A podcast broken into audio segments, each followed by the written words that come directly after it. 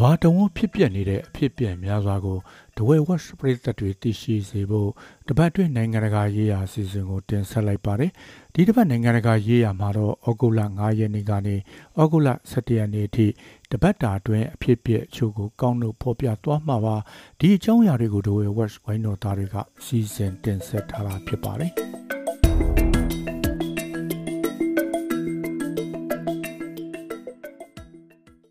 မေရိကန်ပြည်ထောင်စုဟာဝိုင်ယီပြည်နယ်မော်ဝီကန်ယိုဒန်မြို့တောမီလောင်မှုကြောင့်အနည်းဆုံး53ဦးသေဆုံးခဲ့ပါတယ်။လူပေါင်းတစ်ထောင်ကျော်လည်းပျောက်ဆုံးနေသေးပါဒေသခံတွေနဲ့ခီးသွွားတွေကမိတော့တွေကနေလွတ်ဖို့အတွက်ပင်လယ်ထဲခုန်ဆင်းခဲ့ကြရပါတယ်။ဩဂုလရှယ်နေကနေစပြီးလောင်ခဲ့တဲ့တောမီဟာအိမ်ပေါင်းတစ်ထောင်ကျော်ကိုလောင်ကျွမ်းခဲ့တာပါ။တောမီကြောင့်လူနေအိမ်တွေဈေးဆိုင်ခန်းတွေလည်းထိခိုက်ပျက်စီးခဲ့တယ်လို့ဟာဝိုင်ယီအရေးပေါ်စီမံကက်ခွဲမှုဌာနကနေထုတ်ပြန်ခဲ့ပါတယ်။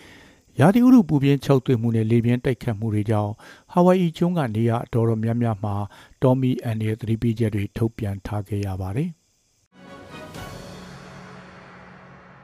နိုင်ဂျာနိုင်ငံမှာအာဏာသိမ်းစစ်တပ်ကအစိုးရတစ်တရဖွဲ့စည်းလိုက်ကြောင်းဩဂုတ်လ10ရက်နေ့ကကြေညာလိုက်ပါတယ်။ဝန်ကြီးအဖွဲ့ဝင်22ဦးပါဝင်တဲ့အစိုးရအဖွဲ့ကိုဖွဲ့စည်းလိုက်တယ်လို့နိုင်ငံပိုင်ရုပ်သံကနေကြေညာခဲ့တာပါ။စစ်ကောင်းဆောင်တွေထဲက3ဦးကတော့ကာကွယ်ရေးပြည်ထရေးနဲ့အားကစားဝန်ကြီးဌာနတွေကိုတာဝန်ယူခဲ့ကြပါတယ်။ရာထူးကဖယ်ရှားခံရတဲ့သမ္မတမိုဟာမက်ဘာဇွန်ကို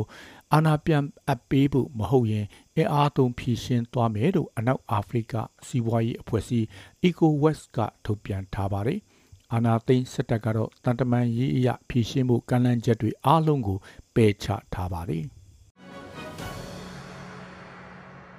တိုင်ဖွန်ဒေါတ်ဆူရီရဲ့နောက်ဆက်တွဲအဖြစ်တရုတ်နိုင်ငံဘေဂျင်းမြို့တော်မှာရေဘေးတစ်ကဲလို့လူ33ဦးသေဆုံးခဲ့ပါတယ်။ဘေဂျင်းမှာဆယ်စုနှစ်တွေအတွင်းအပြင်းထန်ဆုံးမိုးရွာသွန်းမှုတွေနဲ့ကြုံခဲ့ရတာပါ။ ရေဘေးကြောင့်လူ18ဦးလည်းပျောက်ဆုံးနေစေဖြစ်တယ်လို့တရုတ်အာဏာပိုင်တွေကဩ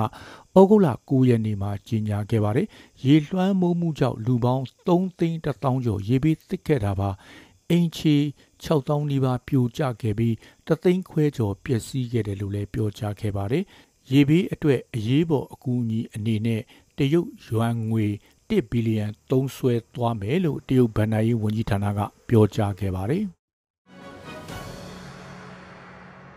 ကွယ်လွန်သူအိုင်ယာလန်အဆိုတော်ရှနစ်အိုကော်နာရဲ့ဇာပနာကိုအော်ဂူလာရှီယန်နီမှာကျင်းပခဲ့ပါတယ်။သူမရဲ့နောက်ဆုံးခီးကိုမိသားစုမိတ်ဆွေအပေါင်းအသင်းတွေနဲ့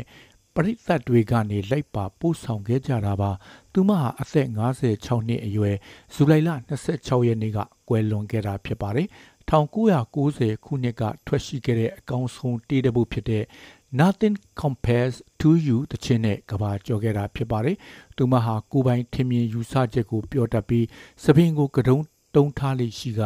နာကျင်ခံစားရတဲ့စာသားတွေနဲ့တခြင်းကိုတီးဆိုတက်ခဲ့သူတူဖြစ်ပါတယ်ပရိသတ်တွေကတော့သူမရဲ့တခြင်းတွေအတွက်ကြီးစုတင်စကားတွေဆိုခဲ့ကြပါတယ်ပုပ်ယဟန်မင်းကြီး Francis က artificial intelligence လို့ခေါ်တဲ့ ဉာဏ်ရည်တုနည်းပညာရဲ့အန္တရာယ်တွေနဲ့ပတ်သက်လို့သတိပေးလိုက်ပါတယ်ခေတ်နည်းပညာတစ်ကိုအပြည့်သဘောအနေနဲ့အသုံးပြုနိုင်ခြေတွေတက်ရောက်မှုတွေကိုသတိပြုကြဖို့ဩဂုတ်လ၈ရက်နေ့ကသတိပေးလိုက်တာပါလူသားတွေပေါ်ဝန်ဆောင်မှုပေးနိုင်ဖို့နဲ့ကဘာကြီးကိုအကာအကွယ်ပေးနိုင်ရေးအတွက်ဉာဏ်ရည်တုနည်းပညာကိုလမ်းကြောင်းမှန်မှန်အသုံးပြုဖို့တာဝန်ရှိရှိလှုပ်ဆောင်ကြဖို့တတိပေးခဲ့ပါတယ်။ပညာရေးနဲ့ဥပဒေနယ်ပယ်အထိကျေဝတ်ဆိုင်ရာထင်မြင်ယူဆချက်တွေကိုချက်ထွင်ပြီးပြန်လည်သုံးသပ်ကြဖို့လိုတယ်လို့ပြောကြားခဲ့ပါတယ်။နှစ်40နီးပါးအာနာဆုတ်ကင်လာတဲ့ဟွန်ဆန်ကသားဖြစ်သူဟောမနက်ကိုဝန်ကြီးချုပ်နေရာတင်သွင်းထားတဲ့အပေါ်ဘရင်ကအတည်ပြုပေးခဲ့ပါတယ်။ သားဖြစ်သူကိုအာနာလွှဲပေးလိုက်ခြင်းကဟွန်ဆန်ကမ္ဘောဒီးယားကိုအာနာရှင်ဆန်ဆန်အုပ်ချုပ်လာတာကိုရပ်တန့်စေမှာပါ။ဒါပေမဲ့လည်းဆွေစဉ်မျိုးဆက်အာနာလွှဲပေးတာကိုတော့အတိုက်ခံတွေကဝေဖန်ထားပါတယ်။အသက်45နှစ်အရွယ်ရှိတဲ့ဟွန်မနက်ကဟွန်ဆန်ရဲ့သားအကြီးဆုံးပါသူကအမေရိကန်စစ်တပ်ကတော်တစ်ခုကနေပွဲရထားပြီးအမေရိကန်ဗြိတိန်ကနေအစစ်မြစ်ပညာသင်ယူထားခဲ့တဲ့သူဖြစ်ပါတယ်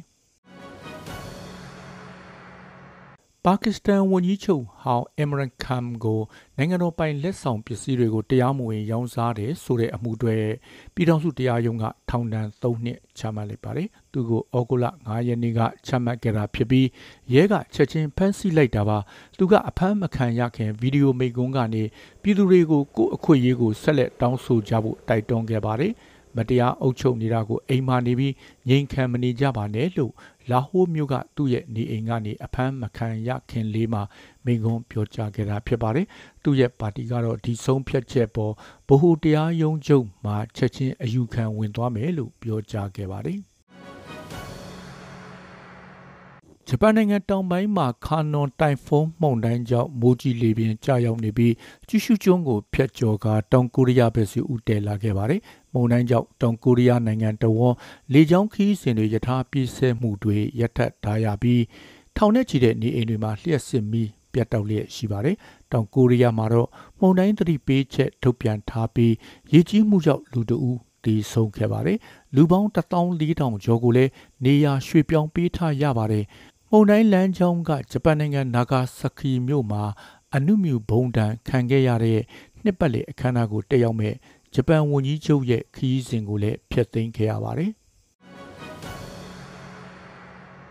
အမျိုးသမီးကမ္ဘာဖလားဘောလုံးပြိုင်ပွဲ cut-off final ပွဲစဉ်တွေဩဂုတ်လ17ရက်နေ့မှာစတင်ကစားကြရမှာစပိန်နဲ့ဆွီဒင်တို့အသီးသီးအနိုင်ရရှိခဲ့ကြပါတယ်။စပိန်ကနယ်သာလန်ကို2ဂိုးတကူနဲ့အနိုင်ရခဲ့ပြီးဆွီဒင်ကဂျပန်အသင်းကို2ဂိုးတကူနဲ့ပဲအနိုင်ရရှိခဲ့တာပါ။ဩဂုတ်လ12ရက်နေ့မှာတော့ Asian Australia နဲ့ပြင်သစ်အင်္ဂလန်နဲ့ကိုလံဘီယာတို့ quarter final ပွဲစဉ်တွေဆက်ကစားကြမှာဖြစ်ပါတယ်။ ဩဂုတ်လ15နဲ့16ရက်တွေမှာဆီမီဖိုင်နယ်နှစ်ပွဲကစားကြမှာဖြစ်ပြီးဘူလူပွဲကိုတော့ဩစတြေးလျနိုင်ငံမှာဩဂုတ်လ20ရက်နေ့ကစားကြမှာဖြစ်ပါတယ်